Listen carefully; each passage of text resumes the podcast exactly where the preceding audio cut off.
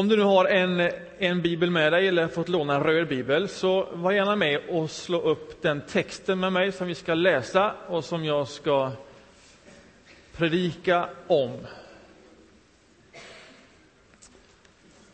Markus evangelium kapitel 3 och från början där.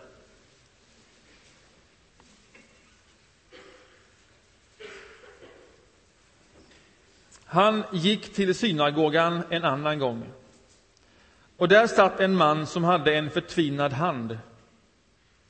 De höll ögonen på Jesus för att se om han skulle bota honom på sabbaten. De ville ha något att anklaga honom för. Han sa till mannen med den förtvinnade handen, stig upp och kom fram. Sen frågade han dem vad är tillåtet på sabbaten? Att göra gott eller att göra ont? Att rädda liv eller att döda? De teg. Då såg han på dem, fylld av vrede och sorg över att de var så förstockade. Och till mannen sa han, håll fram handen. Han höll fram den, och den blev bra igen. Men fariseerna gick bort och började genast överlägga med Herodes anhängare om hur de skulle röja Jesus ur vägen. Amen. Vad är tillåtet på sabbaten? Om nu någon tänker så här, sabbaten, det känns verkligen avlägset i mitt liv. Det är inte huvudfrågan i mitt liv. Och du undrar varför du ska höra på en hel predikan om någonting som inte är en stor fråga och som du knappt vet vad det är, sabbaten. Låt mig då säga på en gång, den här texten som vi nu har läst, den handlar inte om sabbaten, först och främst. Men för att få fatt i vad det är som händer i den här synagogan, för att få fatt i den underliggande frågan, så måste man veta någonting om vad sabbaten var och betydde när det här utspelar sig. Så vad är då en sabbat?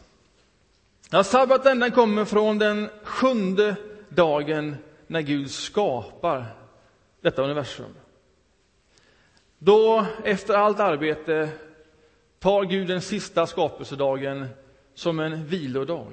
Han vilar då ifrån sitt verk. Därifrån kommer sabbaten, den sjunde dagen i skapelsen.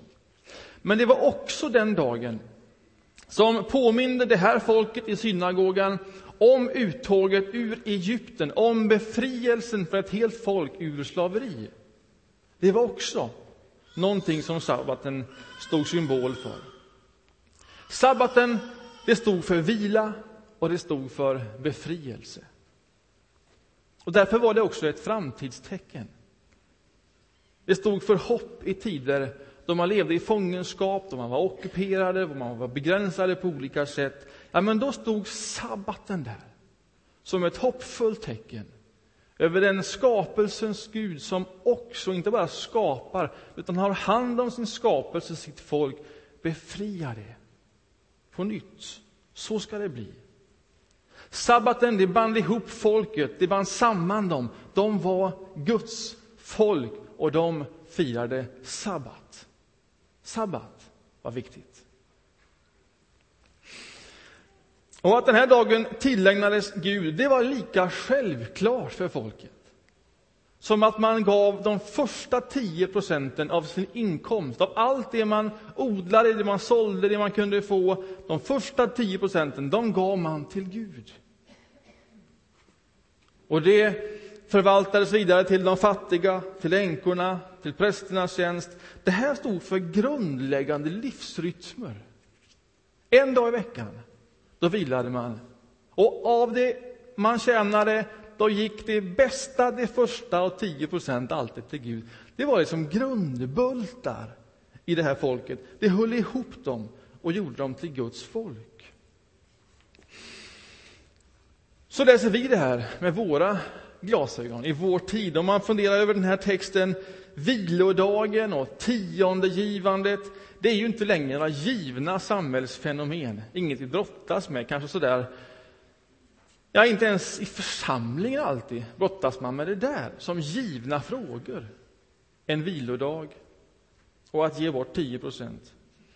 Och vad ska man tro av det? Ska vi brottas med det överhuvudtaget? Ska det vara en fråga för oss? Är det gamla bud, eller följer de liksom med oss, de här buden? Ja, vad ska man tro om allt det här egentligen? Och så kan man börja fundera utifrån den här texten. Samtidigt som jag tror det är självklart för alla människor att det är bra att vila från arbetet åtminstone en dag i veckan. Och att det är bra att ge bort regelbundet en konstant del av allt det man får, så inte allt det man får bara går i egen ficka och bara planeras för egen vinst och eget välbefinnande. Jag tror alla människor skulle hålla med om att det är bra att vila åtminstone en dag i veckan från arbetet. Och det är bra att ge bort regelbundet. Det här är viktigt. Det är en sorts livsrytm i det här. Vi tycker det är bra, men vi vet inte riktigt hur vi ska få till detta. Men här hade man regler för det. Förhållningsregler. Så här kan man resonera. Är det då en stor fråga, det som händer i synagogan? Vad är dramat? Var kommer det ifrån? Det är inte så enkelt att förstå ifrån vårt perspektiv som kan förhålla oss ungefär så här till en fråga. Vad är det som gör att Jesus hamnar i så skarp konflikt? Jo, om en dagstidning skulle sätta rubrik på det som händer där. Nu är jag ingen, ingen rubrikmakare, men om man skulle ta löpsedlarna man ser på Expressen eller Aftonbladet ta den pedagogiken och sätta en rubrik över det som sker i synagogan, då tror jag det hade stått ungefär så här. Liberal chock gick genom synagogan. Liberal chock gick genom synagogan. Vad gör han, Jesus? vad är det som triggar honom att välja en ny väg? En liberal väg. Att inte bara bevara harmonin och vänta med helandet tills dagen därpå. Då hade det varit möjligt och tillåtet och harmonin bevarad. Det som gör att Jesus triggas, som gör att han hanterar saken så oväntat och liberalt, det är att sabbaten, detta grundläggande viktiga, har förvandlats till någon form av vapen. Någonting som nu exkluderar människor lika mycket, ja kanske ännu mer, än det håller ihop ett folk. Sabbaten var inte allt det där annorlunda och hoppingivande tecknet, inte bara för folket, utan för alla människor. Om att Gud, skaparen, är den som befriar och helar. Det hade blivit någonting annat av sabbaten. Det hade skett en utveckling under lång tid genom att några människor, för de räckte inte med att leva i den här goda ordningen. Nej, man skulle leva mer än andra i den här goda ordningen. Och när den typen av tendenser letar sig in, nej, men där ska man vara lite vaken. Och här växer det fram skolor som, som då måste förtydliga vad det betyder att vila på sabbaten. Det växer fram traditioner med olika specialiteter, olika frågor som var viktiga. Och för någon var just sabbaten frågan. En stor, en stor riktning inom tron. Och några av avgränsningarna kopplat till just sabbaten, det kan man läsa om i Bibeln. Det var inte tillåtet att göra upp eld. Men vad betyder det? Och så börjar man fundera. Och så börjar man förfina detta för att verkligen kunna leva upp till det som var ett givet bud. En god grundläggande ordning. Om man inte får göra upp eld, kan man då göra mat? Kan man göra mat? Vilken sorts mat får man göra? Och så börjar man skapa, förtydliga alla regler kopplat till den här sabbaten. Och det växte fram regler på alla olika möjliga och omöjliga områden. Hur långt fick man gå på en sabbat? Innan det blev arbete av det. Motion. Hur långt fick man gå? Hur mycket fick man röra sig? Och så börjar man skapa regler omkring detta. Fick man hjälpa någon som var skadad på en sabbat? Ja, det fanns en regel som sa om det var livshotande skador, alltså verkligen livshotande skador, då steg det över sabbatsbudet. Då fick man hjälpa någon på sabbaten. Men vad var livshotande skador? Ja, det växte fram också sådana gränsdragningar för att veta om det var livshotande eller inte livshotande. Och det fanns människor som verkligen försökte leva upp till denna radikala tolkning av tron. Och jag tror, jag tror att man nog kan säga att till sist kom formen att betyda mer än innehållet. Formen kom att betyda mer än innehållet. Och i det sammanhanget befinner sig Jesus. Det är där han är i synagogan, som förmodligen är alldeles full med människor. Det är sabbat, alla är samlade. Den situationen är inte helt olik vår situation här och nu. Alla är här. Och så mitt i den här gemenskapen, där finns mannen med en förtvinad hand. Alla har ögonen på honom. Alla ser honom. Alla ser Jesus. Och man kan ta på spänningen i luften. En förtvinad hand. Alla ser det, alla vet vem Jesus är, alla vet att han tidigare har brutit mot bud. Alla ser det. Men det är ett tyst drama. Det utspelar sig ordlöst till en början. Var ska detta ta vägen? Och jag tänker mig hur Jesus tittar omkring på alla människor i den här synagogan. Och alla människor tittar på honom. Och alla människor tittar på mannen med förtvinad hand. Och det är tyst i rummet. Så tittar Jesus på mannen med förtvinad hand. Så tar han ett djupt andetag. Och så tittar han på alla människor igen. Och så säger han rakt ut i luften. Så att vem som helst av dem kan svara. Vad är tillåtet på sabbaten? Att göra gott eller att göra ont? Att rädda liv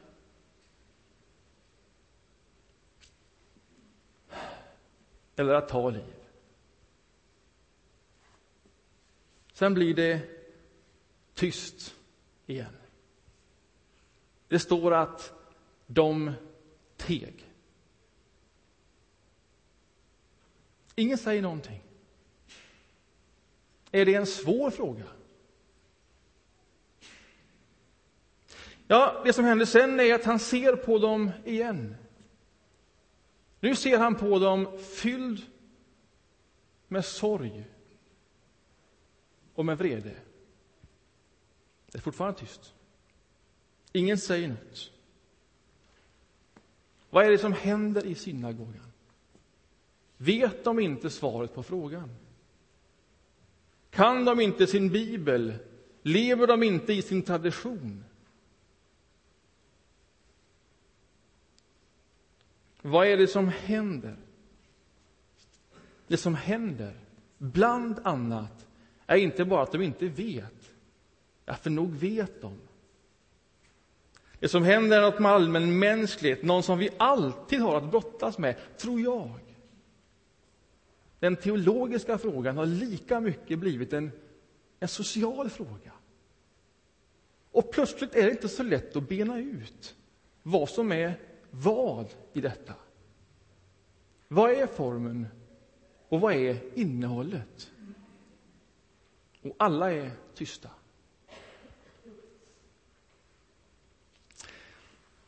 Inom socialpsykologin finns ett fenomen som man kallar för konformism. Konformism. Har du läst psykologi i någon grundkurs har du säkert läst om Salomon Asch som i mitten på 1900-talet gjorde en serie experiment som blivit väl kända. För att han skulle kunna göra de här experimenten krävdes att försökspersonen i frågan inte visste vad det gick ut på. Så han satte ut en annons om att han sökte personer till test inom psykologi. Och när försökspersonen dök upp för att genomföra försöket så möttes då han eller hon av sju andra som också var med och var försökskaniner. I själva verket var de inte det, utan väl informerade av vad experimentet och försöket verkligen gick ut på. Personerna skulle sätta sig vid ett bord i en förutbestämd ordning. Och Sen fick de instruktioner om att de skulle få se en linje. Och Sen skulle de välja den av tre linjer som hade samma längd som den linjen de hade fått se först. Vi ska få se en bild på hur ett experiment kunde se ut. Man får se en linje. Där sitter de på rad allihop. Och sen ska man då försöka lista ut den högra linjen, vänster ner, vilken av de andra linjerna, A, B eller C, som är lika lång som den första linjen. Är ni med på frågan? Är det en svår fråga? Man kan tycka det. Vad Försökspersonen trodde ju att det här var själva experimentet. Att bestämma vilken av linjerna A, B och C som hade samma längd som linjen till vänster. Vad han eller hon inte visste, det var att de alla andra hade fått instruktioner om att samstämmigt peka ut en felaktig linje som den matchade i sju av totalt tolv bilder. Så, resultatet visar, lyssna här, att av 31 försökspersoner så är det endast sex som väljer det rätta svaret på varje bild. Alla andra försökspersoner ändrar sig efter majoriteten en eller flera gånger. Alla andra försökspersoner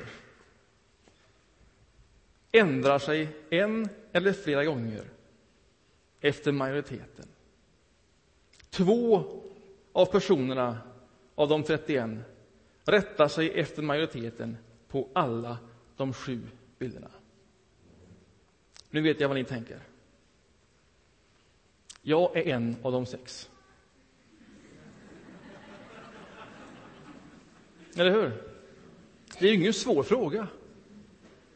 Alla vet ju vad svaret är.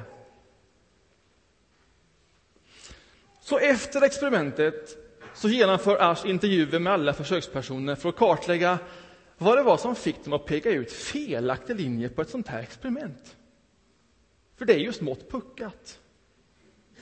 Och utifrån svaren delade han in dem i tre grupper. Den ena gruppen den bestod av de som visste att det var fel linje, men de vek sig ändå eftersom de var rädda att verka annorlunda och rädda för konflikt. Och Den andra gruppen de kände sig förvirrade och visste inte längre vilken av linjerna som var rätt och fel.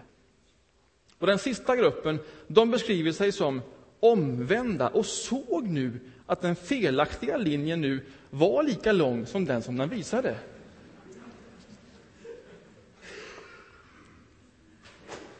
Ni skrattar åt er själva. Och så står det så här. De flesta tyckte att det var en påfrestande och besvärande situation. Där är vi tillbaks i synagogan. De flesta tyckte att det var en påfrestande och besvärande situation. Och det var helt tyst. De teg. Vi är tillbaka i det subtila sociala trycket. Någonting som smält samman med trons gestaltande, ett socialt tryck skapat genom att några ville att man skulle leva mer i denna goda grundläggande ordning än andra. Vi är tillbaka i ett socialt tryck som, som ofta och över tid utvecklas så att formen den blir så viktig att vi riskerar att avlägsna oss från innehållet. Och vi hjälper varann till det, nu och då. Detta handlar inte bara om en kyrka, men det handlar också om en församlingsgemenskap. Det här är allmänmänskligt.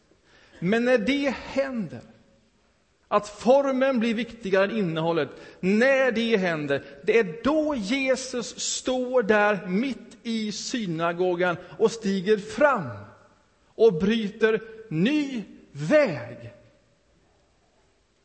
Det är då han blir överraskande liberal, det är då han upplevs överraskande liberal. Men han gör det lätt att andas igen. Han gör sabbaten till vad den en gång var, en påminnelse om att Gud, skaparen, också är den som befriar och helar, som gör det, som alltid gör det, som kommer att göra det. Den som gör gott och räddar liv.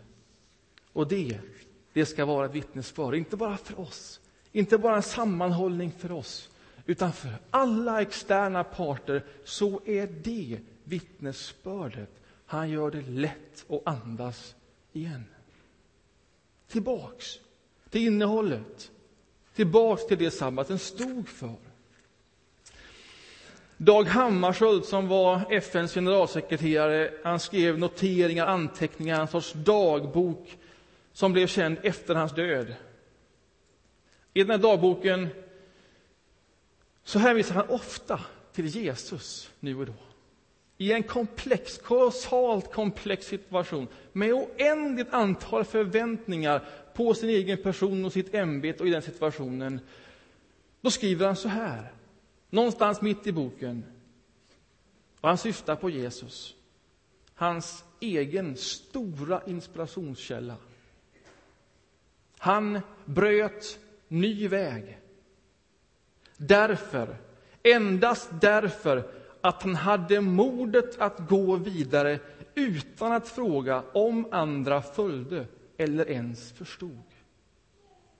Han hade inget behov av det skydd som löjet mot löjet som andra söka i ett delat ansvar därför att han ägde en tro som avstod från bekräftelse.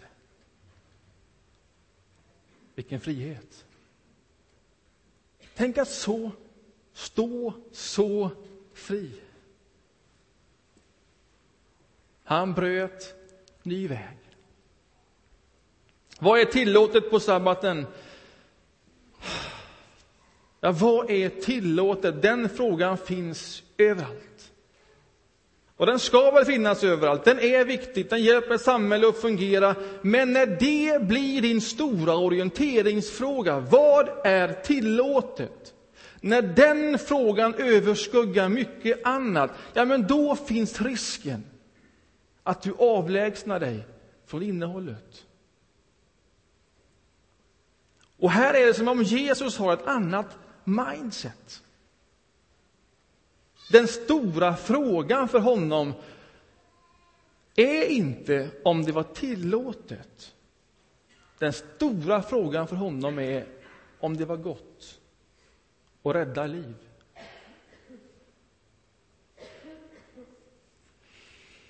Och det mindsetet, nog skulle det kunna förändra samhällen, arbetsplatser och visst kyrkor. Är det gott och räddar liv? Kan du höra det styrelsemötet i det bolaget där man säger, vänta nu. Eller det arbetsplatsmötet där man säger, nej, vänta nu. Tänk om vi ska byta spår, inte vad är tillåtet, utan vad är gott och räddar liv? Det blir vår agenda. Vem står så fri? Ingen står så fri mer än Jesus. Hur vet man då vad som är gott och vad som räddar liv? Ja, det enkla svaret är gå nära Jesus. Läs om honom. Meditera över honom. Ta emot honom. Tro på honom, samtala med honom, samtala om honom. Vad är det han säger? Vad är det han gör? Tillbaks dit igen och igen och igen. Låt han vara livet i ditt liv. Tänk hans tankar. Låt det sinnelag råda hos dig som också finns hos honom. Där finns friheten. Där finns befrielsen och där finns helandet. Det som också sabbaten stod för. Lura dig inte dig själv genom att tro att själv står du fri. Du är mindre fri än vad du tror. Du är mer satt i ett socialt sammanhang och spel än vad vi tror. Den som är fri, den som verkligen är fri, det är Jesus. Så ett gott råd Ta rygg på honom. Ta rygg på honom. På alla sätt som det är möjligt att ta rygg på honom, gör det. Där bor den stora friheten. Du följer honom som alltid bryter ny väg. Är det möjligt för oss att bli förblindade av det vi tycker är viktiga förhållningsregler att vi inte märker när ett brott mot de förhållningsreglerna, när en liberal chock egentligen är något radikalt och ett led i Guds befrielse och helande. Ja, vi är inte något annorlunda, vi, än de vi läser om. Vi brottas med samma saker. Vi sitter i vår synagoga. Också här är det nu och då tyst. Ingen säger något. Och man kanske inte ens vet vad man ska säga. Vad gör vi då? Vi tar rygg på Jesus. Vi tar rygg på Jesus. Då vinner vi innehållet igen.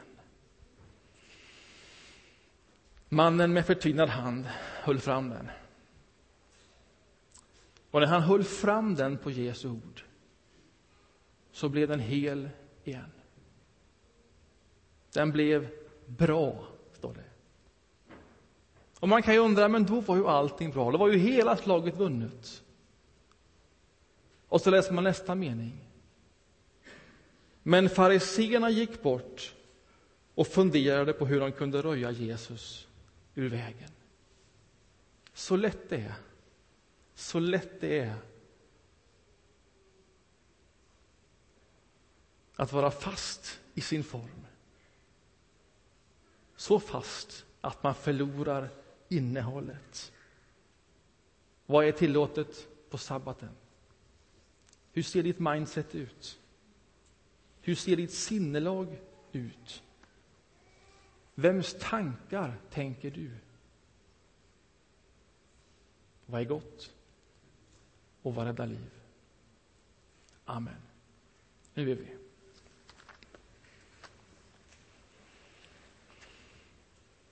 Herre, tack för den här bibeltexten, detta dramat och sammanhanget i synagogan. Tack att den står där, att vi får läsa den, att vi får läsa om dig, lära känna dig, förstå dig. Förmå oss själva att ta det till oss, tänka dina tankar. Så att eh, det vi är beroende av, former och ordningar och regler, aldrig någon gång eller så lite som möjligt får begränsa det som är gott och det som räddar liv. Öppna våra sinnen. Öppna alla våra sinnen så att vi känner igen dig där du går och hur du går. Och skänk oss det modet som vi behöver för att ta rygg på dig. Amen.